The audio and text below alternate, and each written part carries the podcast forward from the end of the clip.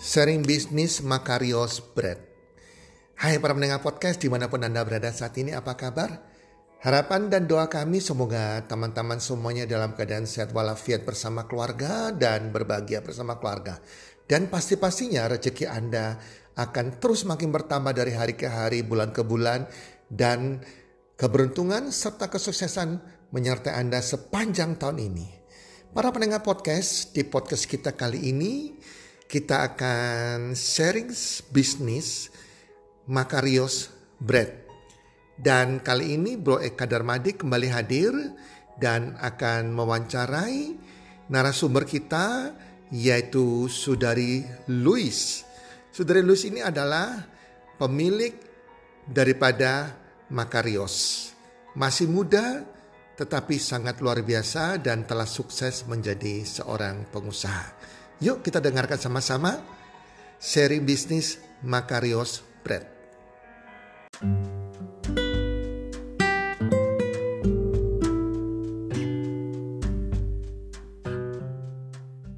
Halo semua, pada episode podcast kali ini tentang sharing bisnis Makarios. Nah, teman-teman, pada kesempatan kali ini saya mengundang Luis sebagai owner daripada Makarios untuk menceritakan tentang pengalamannya dan perjalanan hidupnya. Halo Luis. Halo Eka. Thank you ya Luis, kamu sudah mau meluangkan waktu untuk mengisi episode podcast kita kali ini ya. Oke, thank you juga sudah dikasih kesempatan hari ini untuk mengisi podcast. Nah, Luis, para pendengar ini kan belum tahu nih tentang bisnis Makarios. Mungkin kamu bisa menceritakan ke kita tentang bisnis Makariosmu ini? Iya. Bisnis Makarios itu merupakan bisnis yang bergerak di bidang manufaktur, bakery, dan nasi kotak. Kenapa manufaktur? Karena kita memproduksi dari bahan baku hingga bahan jadi. Makarios Bread itu berada di bawah naungan UD Makarios Sentral Industri Indonesia yang berbadan perorangan. Untuk Makarios ini sendiri, perusahaan Makarios itu sejak awal melakukan tender-tender melalui presentasi yang sebelumnya mendapatkan penawaran dari perusahaan-perusahaan besar untuk melayani di bidang konsumsi mereka dalam acara event-event yang besar. Nah, Makarios Bread ini sendiri merupakan perusahaan yang membantu bagi kalangan muda, baik baik seperti universitas, kemudian perusahaan besar, untuk menyediakan konsumsi harian, baik perkantoran maupun acara-acara besar seperti ospek mahasiswa yang setiap tahun diadakan oleh setiap masing-masing universitas dalam jumlah mencapai 2000 piece per hari. Seperti itu, Eka. Oke. Nah, arti nama dari Makarios itu apa? Mungkin Luis bisa jelasin ke kita. Ya, Makarios diambil dari bahasa Yunani. Mama saya pada awalnya ketika saya membangun usaha ini, mama saya memberikan masukan dari buku yang sering kita baca yang yang menceritakan tentang sejarah dunia di mana di Yunani itu terdapat Pulau Siprus.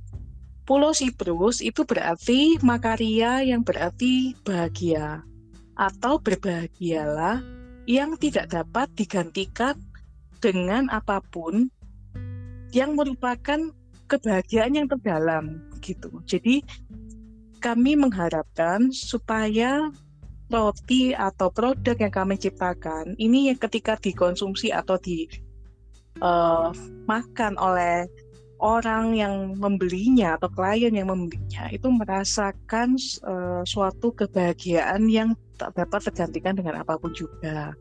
Jadi seperti dari rasanya, seperti dari uh, apa model dan teksturnya itu membuat klien yang membeli itu merasa uh, sangat nyaman dan sangat suka dengan uh, setiap produk yang kami ciptakan. Seperti itu, Eka. Oh, Oke. Nah, kalau dari bisnis Makarios ini sendiri itu sudah berdiri itu sejak kapan, Luis? Makarios ini berdiri sejak tahun 2016. Jadi sejak saya setelah menyelesaikan kuliah saya, kemudian saya ikut kerja dengan beberapa perusahaan. Kemudian setelah saya selesai, saya melanjutkan membuka bisnis Makarios Bread ini. Seperti itu. Nah, awal mula ide bisnis Makarios ini tuh dari mana ya, Luis ya? Kenapa kok akhirnya kamu buat Makarios ini?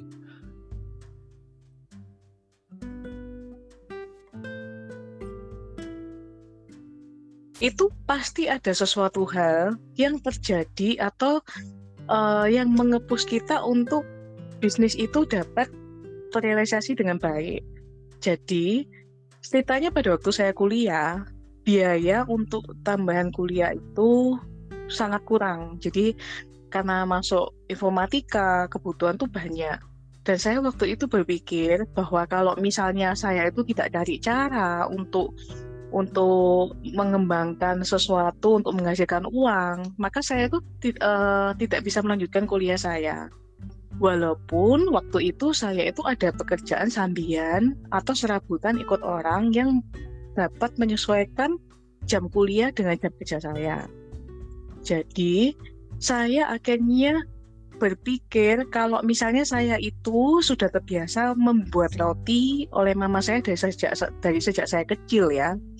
Kemudian saya berpikir untuk memproduksi roti dengan permintaan yang ada di universitas seperti biasanya pada acara saya karena saya ikut organisasi di, di universitas saya saya menjadi panitia konsumsi.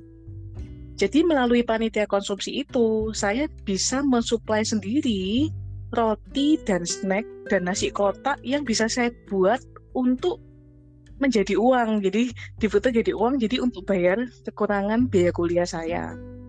Nah, seperti itu Eka ditanya. Walah, jadi awal mula bisnis ini itu dibangun itu adalah untuk bisa mencukupi untuk biaya kuliah dan kebutuhan kuliah hingga kamu lulus ya, Luis ya?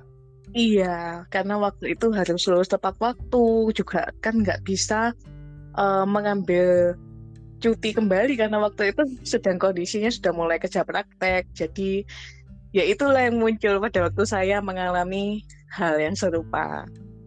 Jadi itu kayak istilahnya itu sebuah berkat yang terselubung gitu ya, Luis ya? Iya, tentunya semua berkat yang terjadi ini adalah campur tangan Tuhan yang di mana kalau kita berusaha, Tuhan itu membukakan pintu berkat melalui uh, apa yang bisa kita putar seperti uh, bisnis roti gitu, apa yang bisa dapatkan itu Tuhan yang membuka peluang seperti itu. Oke, nah Luis tadi kamu kan sempat bilang katanya pernah nih dalam hmm. satu kali event uh, jumlah pesanannya itu kayak sampai 2000 ya kan. Nah, yeah. kalau misalnya pesanannya segitu banyak gitu ya.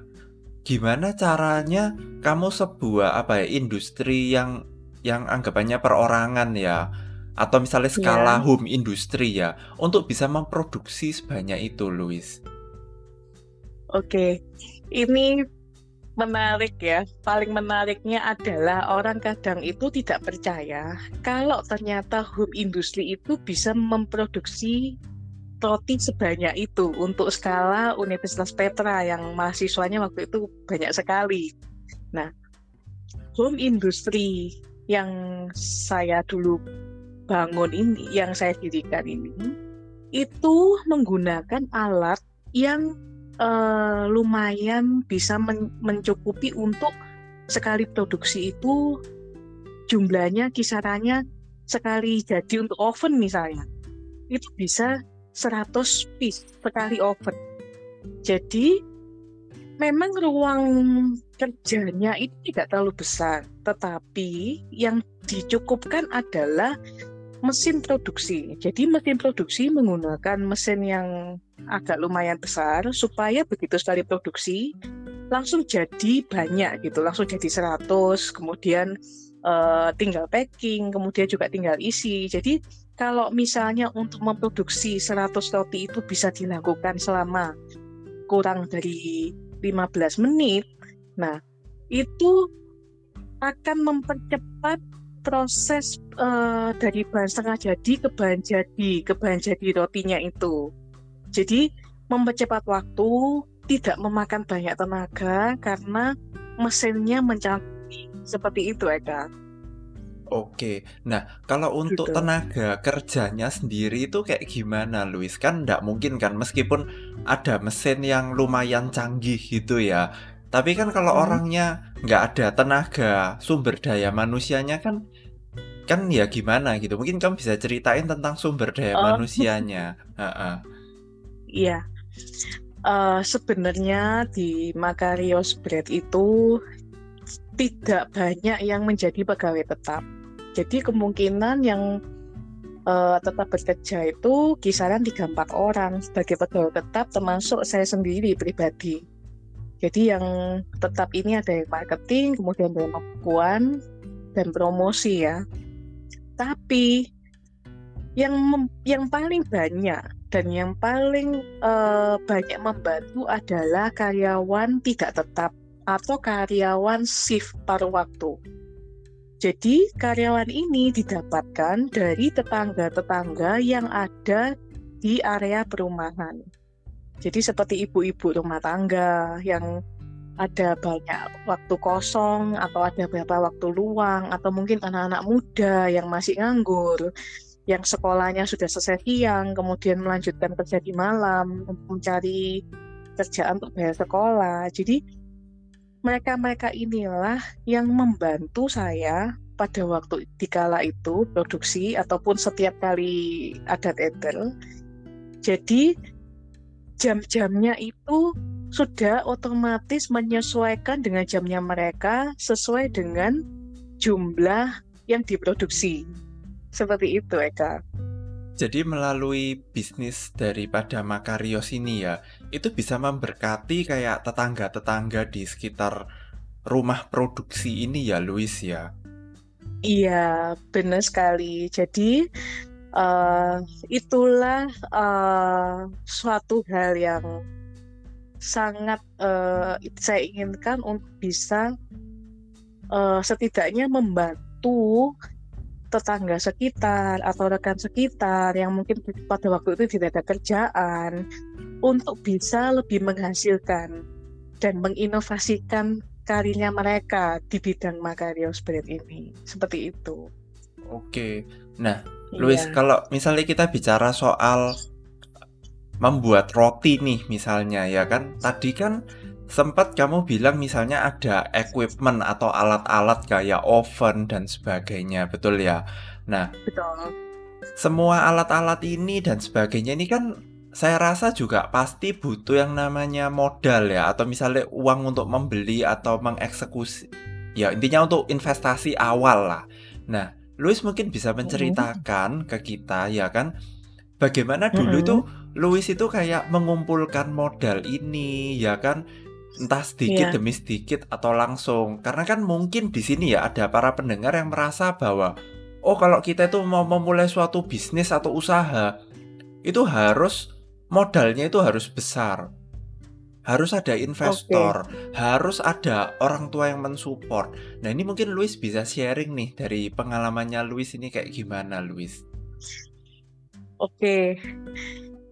ya ini suatu hal yang luar biasa memang untuk mendirikan usaha saya pribadi itu melewati uh, jalan yang tidak mulus. Jadi jalan itu selalu banyak jalan yang terjal di mana saya itu dulu tidak ada dana untuk usaha roti. Tetapi sebelumnya ada ide untuk memunculkan atau mendirikan badan perorangan ini sebelumnya saya itu sejak SMA saya itu bekerja serabutan. Jadi memang ekonomi lah yang membuat saya itu berjuang melewati jalan yang terjal itu. Jadi dulu sejak saya SMA, saya teman-teman saya itu masih bisa bermain sama keluarga, sama teman lain, bisa jalan-jalan. Tetapi saya harus mencari uh, dana cadangan untuk ke depannya saya itu masuk ke kuliah. Jadi akhirnya waktu itu karena saya itu sudah bekerja, di saat itulah sambil kuliah saya bekerja, saya mengumpulkan uang dari gaji saya jadi gaji yang saya dapatkan itu memang ada yang digunakan biaya kuliah, tetapi ada yang digunakan untuk bensin ya. Itu kan bensin nilainya tidak segitu besar. Sisanya selalu saya tabung. Sampai sekarang ini saya total bekerja di beberapa perusahaan itu sudah mencapai 8 tahun lebih. Dari hasil itulah uang yang sudah terkumpul di tabungan saya, saya gunakan untuk investasi di bisnis roti dan catering. Seperti itu Eka ditanya. Jadi prosesnya ya Luis ya, ketika kamu prosesnya panjang. Ketika kamu itu ingin membuka bisnis roti ini ya, itu bukan kayak ide semalam tiba-tiba kayak oh hari ini aku pengen bisnis roti terus tiba-tiba besok semuanya ready itu nggak nggak kayak gitu ya Luis ya Oh iya, iya. Uh, memang kebetulan di saya ini tidak ada yang spontan ya. Jadi perjuangan lah yang uh, dari kecil sampai saya harus kuliah juga harus bekerja, yang di mana saya itu hampir tidak punya waktu untuk uh, apa menghabiskan waktu pribadi dengan orang lain seperti fun time ke keliling-keliling gitu ya itu yang terbayarkan untuk saya itu membangun bisnis yang sekarang. Jadi sangat banyak pantang sangat melewati banyak pantangan dan tantangan yang harus dilewati baru saya bisa mendirikan perusahaan perorangan seperti sekarang ini. Seperti itu, Eka. Iya. Nah, mungkin kamu bisa share nih. Jadi kan kamu tadi kan kayak kayak nabung ya, mulai nabung itu kan kayak mm-hmm. 8 tahunan ya Luis ya. Nah, yeah. pada saat itu ya, itu kan zaman-zaman di mana masih baru lulus kuliah ya kan atau pada saat kuliah lah ya kan kamu sudah mulai ngumpulin kan. Nah, yeah. biasanya kan banyak godaan ya Luis ya. Godaan di sini tuh kayak gini. Oh, teman-teman misalnya ini contoh ya teman-teman beli HP baru, teman-teman beli baju baru, atau teman-teman apalah.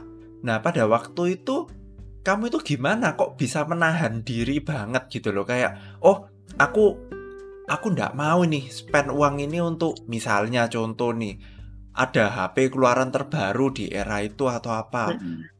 Kamu nggak tergoda untuk ngeluarin kayak gitu-gitu loh. Itu kayak gimana? Kamu mungkin kamu bisa share ke kita. Oh Oke, ini juga menarik ya. Memang godaan itu untuk uh, gadget, apalagi terutama saya itu memasuki jurusan informatika, itu selalu ada materi tentang gadget. Jadi selalu ada perkembangan gadget yang membuat saya itu berpikir, waduh, gadget ini semakin canggih ya. Ada perasaan ingin untuk membeli. Tetapi balik lagi saya berpikir gitu kalau saya membeli itu sekarang kira-kira dari saya membeli itu apakah ke depannya itu saya bisa uh, kembali menjualkan itu dengan menguntungkan gitu. Jadi saya waktu itu sempat berpikir kalau uang saya itu lagi terdesak atau dalam kondisi yang lagi membutuhkan gitu ya untuk ditabung. Saya juga waktu itu belum tahu untuk tabungan ini untuk apa. Tapi saya waktu itu berpikir gitu, kalau misalnya gadget ini bakal berkembang terus, kemudian uh, nilainya juga setelah dibeli itu turun. Jadi saya rasa saya belajar untuk mengerem dulu keperluan yang tidak terlalu saya butuhkan jadi pada waktu itu asalkan bisa WA, asalkan bisa chatting, asalkan bisa telepon SMS, itu sudah cukup. Ya, saya cukupkan dulu dengan apa yang ada gitu. Walaupun HP saya waktu itu sangat murah sekali gitu ya. Saya beli HP bekas kemudian uh, saya pakai untuk chatting ngurus tugas gitu menghubungi komunikasi. Tetapi saya belajar untuk ngerem dulu jadi ngerem dulu uh, untuk tidak membeli. Nanti kalau mungkin saya berpikir kalau mungkin saatnya nanti itu kebutuhan saya itu dibutuhkan atau benar-benar dibutuhkan yang untuk lebih canggih ya saya mungkin membelinya gitu. Cuma waktu itu saya berpikir bahwa tidak dulu dah gitu. Jadi saya pentingkan dulu keperluan untuk uh, jaga-jaga supaya ke depannya kalau tiba-tiba kebutuhan kuliah saya itu ada biaya tak terduga setidaknya saya sudah siap dengan dananya. Seperti itu, Eka. Oke, wow, menarik banget yes. ya. Karena di usia muda yes. itu kan tantangannya dalam menabung itu kan bicara soal gaya hidup, ya kan, gengsinya, yeah. ya kan. Tapi kayak kamu itu dari pas kuliah dulu, ya kan, itu kamu itu sudah kayak belajar untuk kayak menahan diri kayak gitu loh. Kamu belajar untuk melihat uang ini harus aku simpan untuk masa depan untuk jaga-jaga ya kan kalau misalnya teknologi yeah. misalnya handphone atau apa pun ya kalau misalnya nggak terlalu perlu untuk upgrade kenapa aku harus upgrade ya kan nilainya gadget yeah. kan ya selalu turun kayak gitu nah Luis yeah. nah sekarang sekarang kamu mau nggak nih sharing tentang suka dan duka ketika kamu menjalankan bisnis Makarios ini dari lima tahun terakhir Oke, saya pasti sangat suka sekali ya. Saya itu bisa men-sharingkan sesuatu karena saya yakin uh, mungkin yang saya bicarakan saat ini itu bisa mengingatkan pada setiap yang mendengarkan bahwa ada potensi yang begitu luar biasa dalam setiap orang yang mungkin awalnya itu nggak kelihatan gitu. Jadi uh, ini seperti yang saya alami juga dalam menghadapi untuk mendirikan apa badan perorangan home industry itu pastinya sebelum kita melangkah jauh untuk memimpikan sesuatu yang besar itu pasti suka dan duka yang dialami itu sebenarnya tidak terlalu besar ya, tapi semakin besar uh, yang kita ingin capai pasti semakin sulit. Seperti itu ya saya rasain.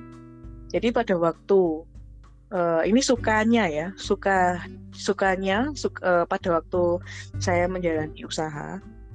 Kalau misalnya usaha kecil untuk pertama kali yang saya melayani di Petra itu nilainya kecil-kecil, jadi pesanannya itu cuma 10, 50, kemudian naik jadi 200, semuanya dimulai dari kecil.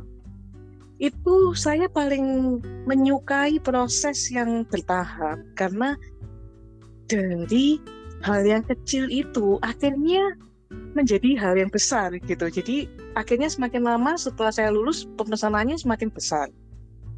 Nah, sukanya adalah dari sini kita bisa belajar untuk berinovasi, kemudian bisa berhubungan dengan banyak orang, kemudian bisa belajar uh, apa strategi yang harus dipasarkan. Kenapa kok banyak orang yang tanya sama saya, kenapa kok nggak buka outlet aja gitu? Kenapa kok harus tender? Tender kan nggak suatu waktu gitu.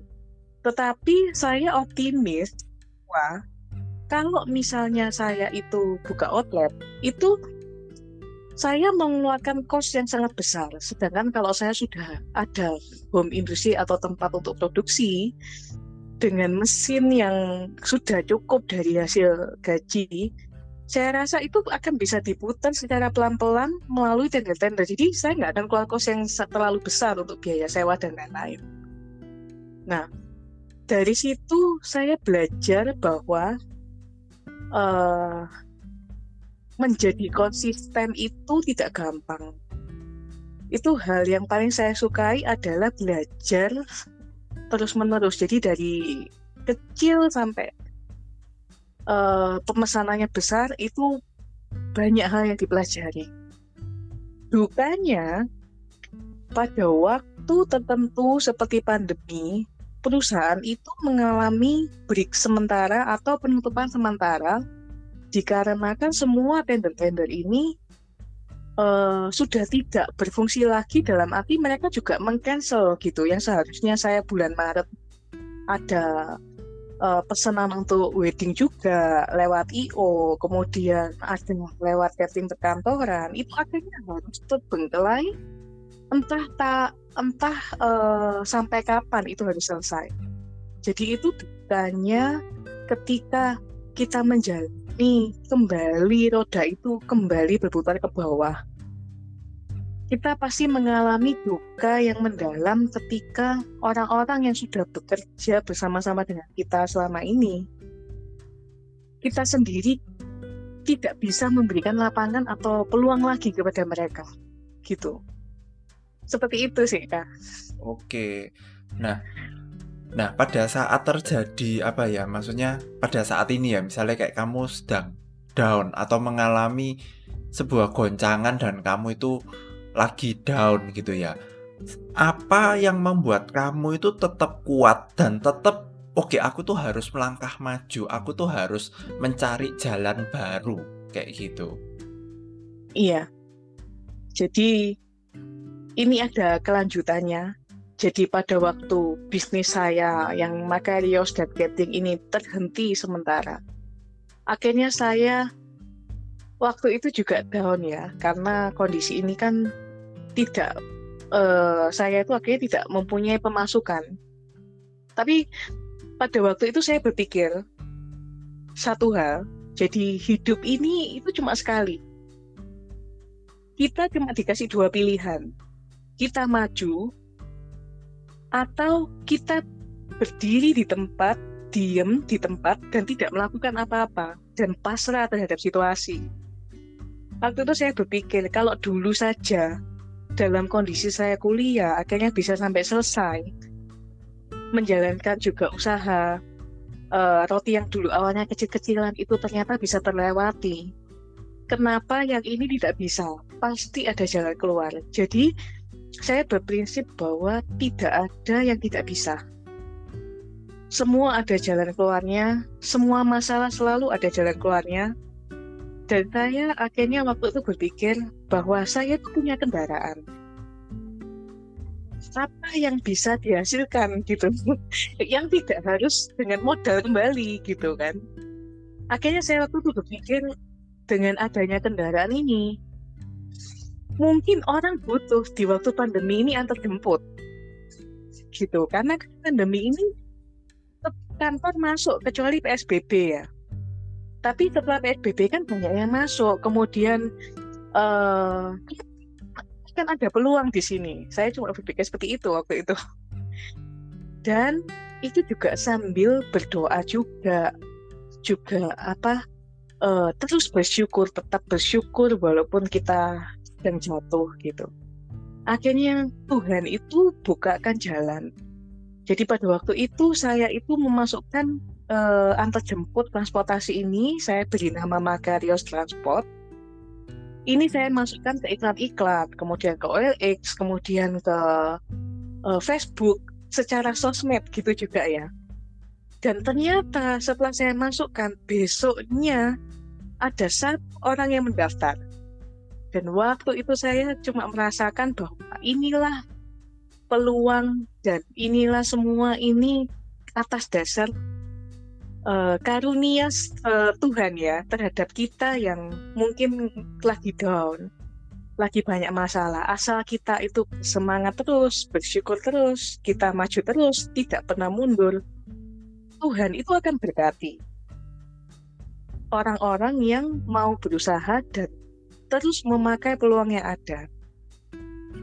Pertama satu orang ibu hamil gitu ya, hamil muda, dia memang butuh antar jemput karena kalau naik sepeda motor akan keguguran seperti itu. Kemudian bertambah, bertambah, bertambah. Dan akhirnya satu transportasi itu sekarang sudah full. Dan itu pemasukannya juga lumayan karena setiap orang yang bekerja itu kan kedudukannya lumayan tinggi. Jadi uh, untuk cash in biaya antar jemputnya pun juga tidak terlalu murah gitu. Jadi itulah yang sampai sekarang bisa berputar. Terus kemudian kalau Tuhan sudah ngasih peluang, cari hal lain lagi yang apa yang apa lagi ya yang peluang yang bisa datang. Waktu itu peluang yang datang ternyata saya dipercaya untuk menjahit masker. Karena dulu saya pernah uh, belajar atau ikut kursus di uh, sekolah SMA saya dulu ada kursus seperti uh, apa mode gitu ya perancang busana. Kemudian akhirnya saya dipercaya oleh rekan kerabat saya itu untuk membikinkan masker. Jadi pertama kali dicobakan beberapa masker dia lihat dia oke okay, akhirnya dia serahkan banyak. Jadi pas itu sampai ribuan masker totalnya.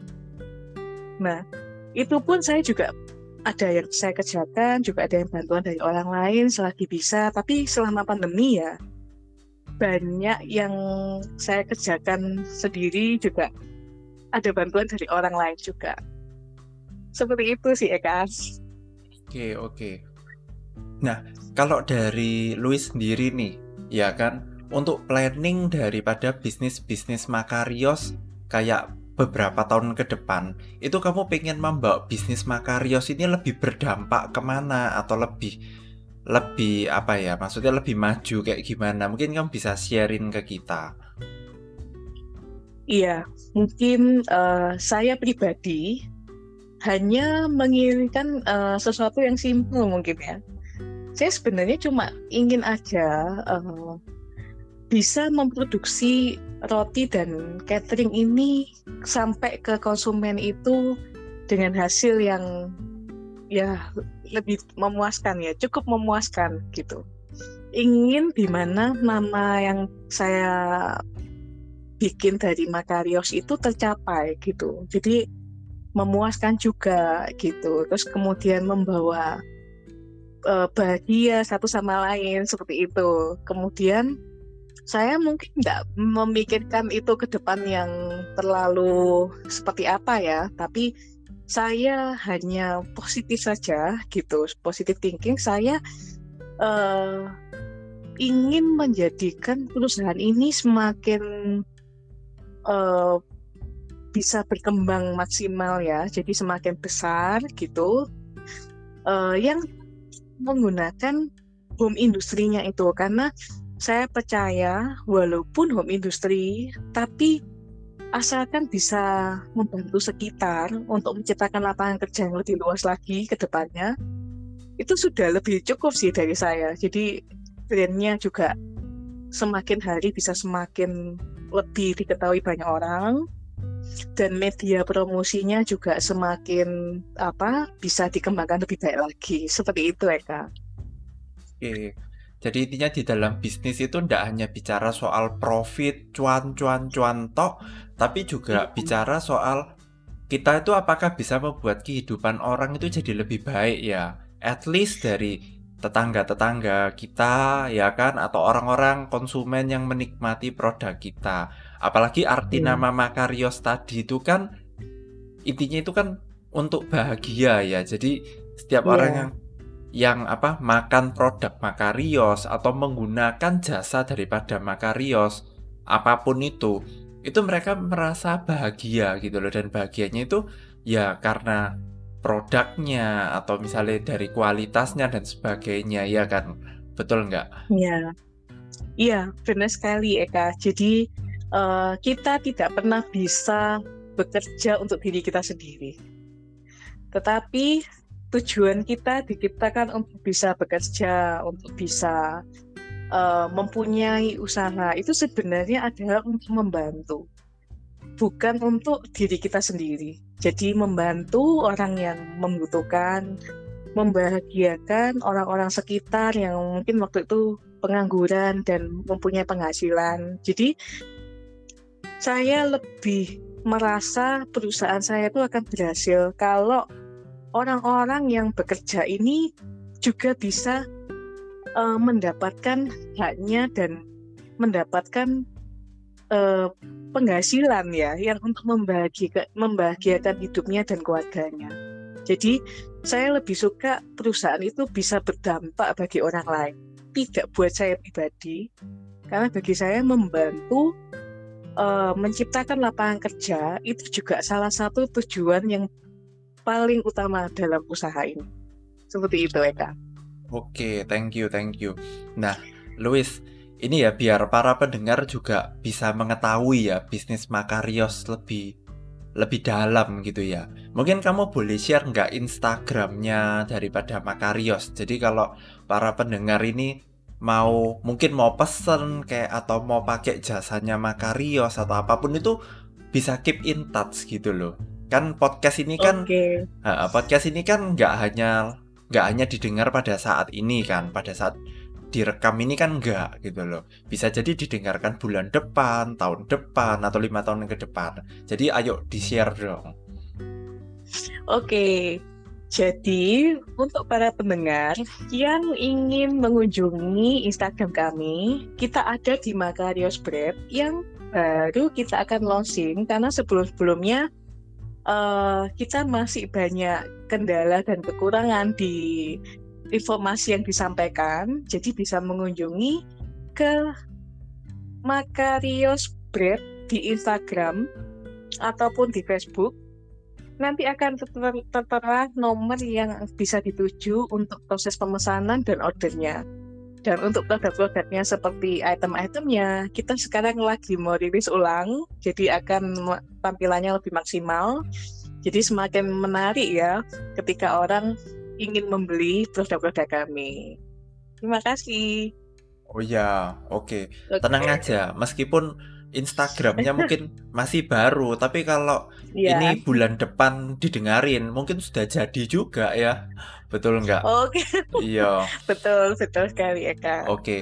Nah ini nih kalau kita boleh topiknya agak agak lebih ke arah keluarga ya, Luis ya, lebih ke arah keluarga. Oke. Okay. Nah. Ya. Yeah saat ini Louis ini kan sebagai seorang mama ya, sebagai seorang mama, sebagai seorang istri, betul nggak?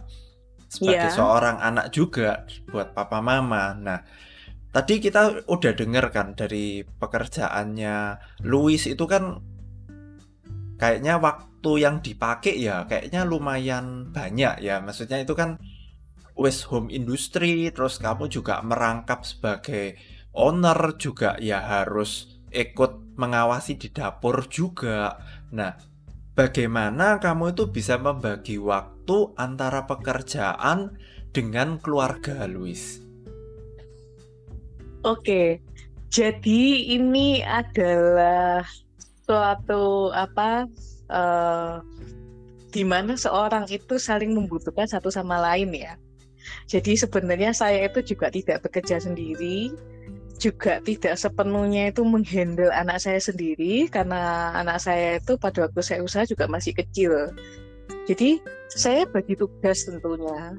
Jadi uh, saya ada mertua, kemudian juga ada mama gitu. Jadi juga ada kadang uh, pegawai yang bekerja itu gantian untuk menjaga. Jadi orang-orang di sekeliling seperti keluarga sendiri ini yang diterjunkan untuk saling membagi tugas gitu. Jadi kalau misalnya uh, mertua saya juga ada cateringan, ada juga pesanan, itu juga di rolling gitu, saling gantian gitu. Jadi uh, ada pembagian yang memakai orang-orang atau keluarga terdekat untuk bisa saling membagi tugas.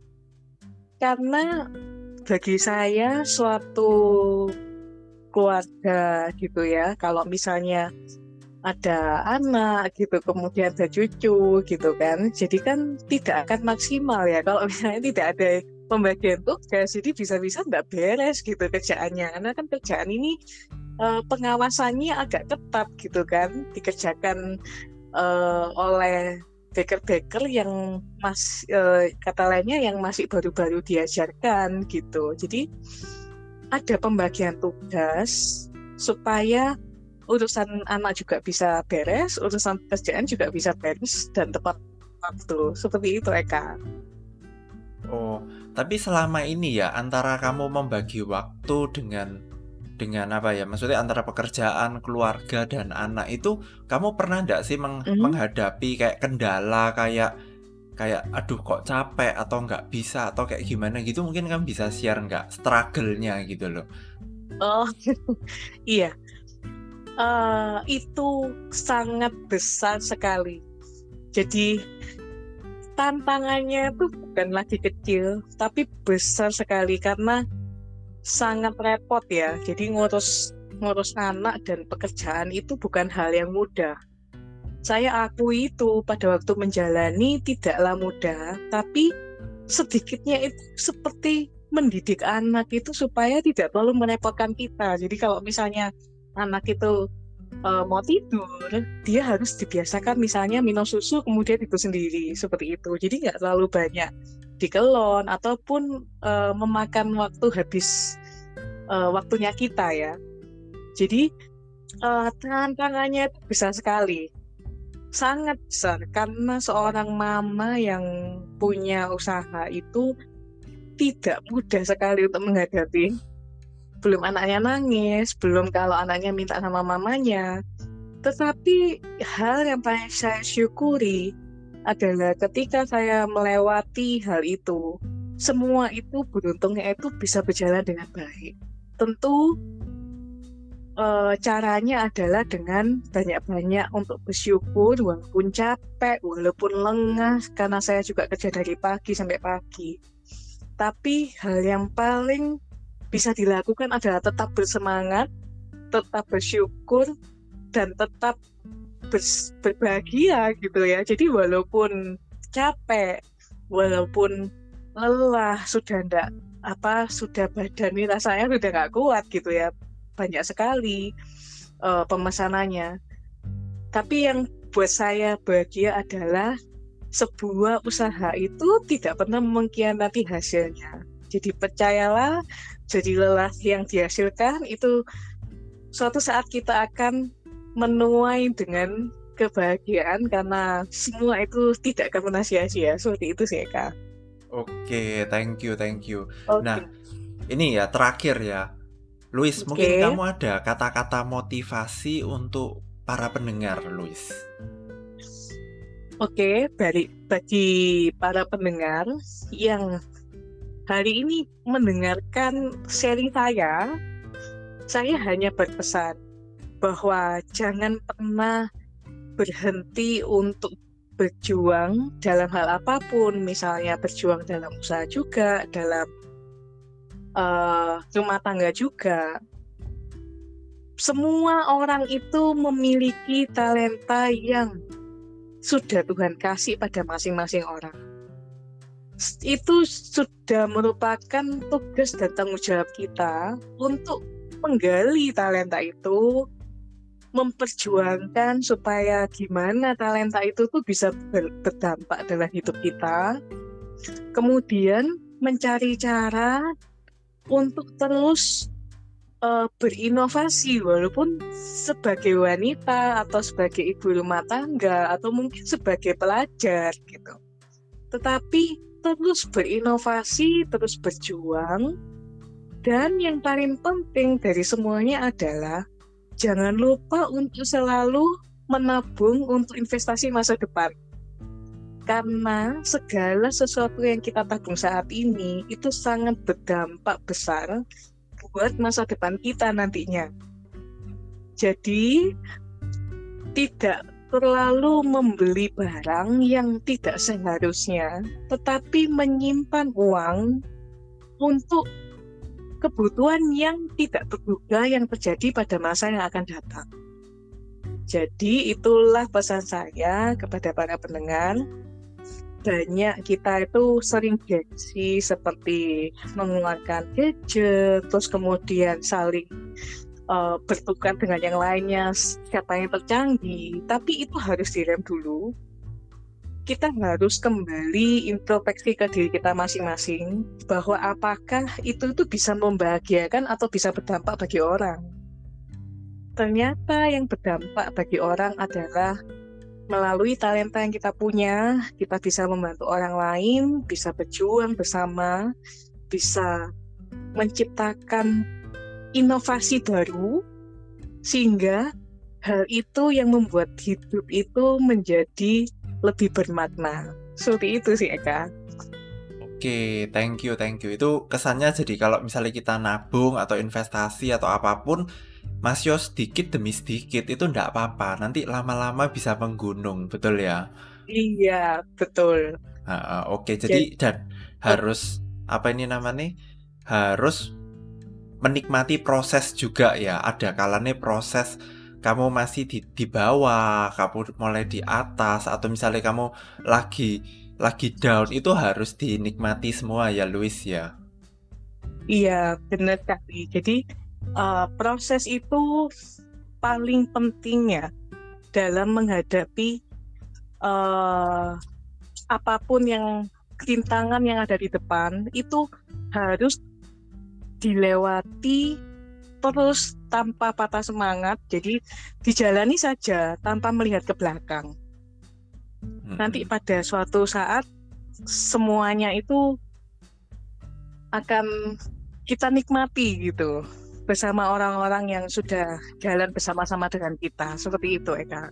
Oke, oke. Thank you ya buat para pendengar setia kita sampai sampai akhir ini. Ini sekian dulu episode dari kita dan sampai jumpa di episode-episode selanjutnya. Dadah. Oke, dadah.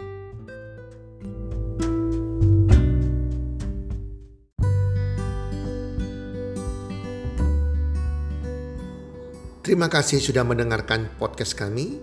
Teman, jika Anda rasa bermanfaat podcast kami ini, Anda bisa menginfokan kepada rekan kerja Anda, keluarga Anda, teman ataupun sahabat Anda.